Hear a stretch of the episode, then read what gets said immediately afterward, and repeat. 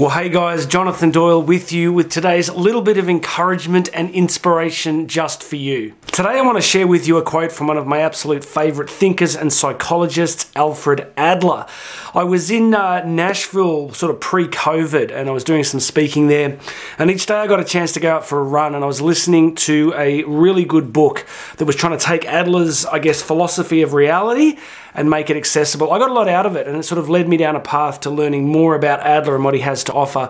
So let's jump into today's quote because I think it goes to the heart of reality. I think we can all relate to it. Let's do it. Overcoming difficulties leads to courage, self respect, and knowing yourself. Okay, here's my basic take on where we are as a culture. We're highly therapeutic, we're highly comfort and pleasure oriented.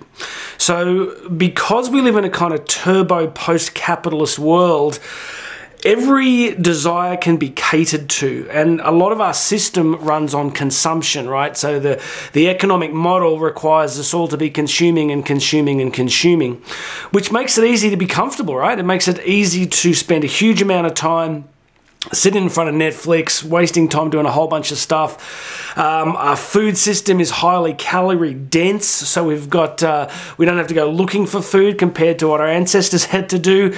You know, before you blink, life can be very, very comfortable, very easy, and this is what Adler's reminding us of that doing difficult things, seeking out difficult things, is kind of central to that journey of becoming the person you're really capable of becoming. You see, if you don't do difficult things, if you don't attempt difficult things, then nothing really changes. And I keep telling people, and I have for years, that you're never going to really feel like doing them. Most of the time, when we're faced with something difficult, we don't want to do it. Our, bodies and our minds have evolved for comfort and safety, so we don't tend to go looking for things that are difficult. So over the years, as many of you know, I've been kind of obsessed with you know ultra marathon running. I still train, you know, really hard. I go through peaks and troughs. Like I go through times when I do a little bit less, and it's like I've got this internal barometer. I get to a certain point, and I'm just like, ah, oh, I need to get back to it, and I'll just start training harder again. Even as I get a bit older, I'm still pushing myself and and trying to grow and develop. So I guess what I want to say to you in this message is. Are there places in your life at the moment where you are genuinely seeking out discomfort, things that are, are scary for you, that are forcing you to sort of generate a, a greater level of courage in your life? Sometimes I think, you know, it's like a paradox. I've said that life's very comfortable, but life can also be pretty difficult. You know, things can happen randomly to us and there's plenty of suffering. So the question is, well, why would we go looking for suffering if it's going to come find us anyway? I think it's one of the mysteries of life. I think that as we grow, if we want to grow, that there's this weird thing that if we want to go and seek harder things, then the universe, God, is going to allow us to grow. I've been coaching lately, I've been coaching a sporting team, and you really see it up close you see this diverse group of people who have got a common interest, but then you see this whole bunch of different approaches to the training, uh, to the effort required to do really well. So it's a weird mix of our personalities, our backgrounds, our histories, but there are things that you can control, right? There really are. There's definitely things that you can control. And I think if you just look into your life at the moment and start to go looking for something that's going to challenge you, it could be a difficult conversation, it could be going for a promotion, it could be something that uh, involves fitness or training.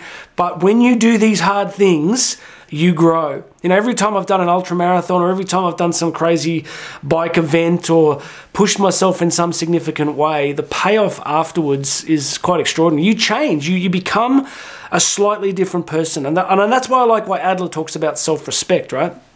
Because he's reminding us that as we do these things, we begin to look at ourselves and say, wow, I'm the kind of person that can do these difficult things. It's very much like a snowball on the top of a mountain. Once you start, once you begin, then things begin to develop and you just get better at it over time. So, look, summary you can have any kind of life you want, but I would like to remind you that if you really want to grow, if you really want to develop, it won't be easy. You're going to have to seek out difficult things, but as you do them, you'll change in the process. Okay, that's it for me today. Please make sure you subscribe, hit the notification button wherever you're seeing this, share this with a few people, and get the link here below because that's going to take you to a completely free access to my book, Bridging the Gap. I'm going to send you a chapter every couple of days. So if you haven't got that, grab it in the link below, grab the free book. My name's Jonathan Doyle. I'm going to have another message for you tomorrow.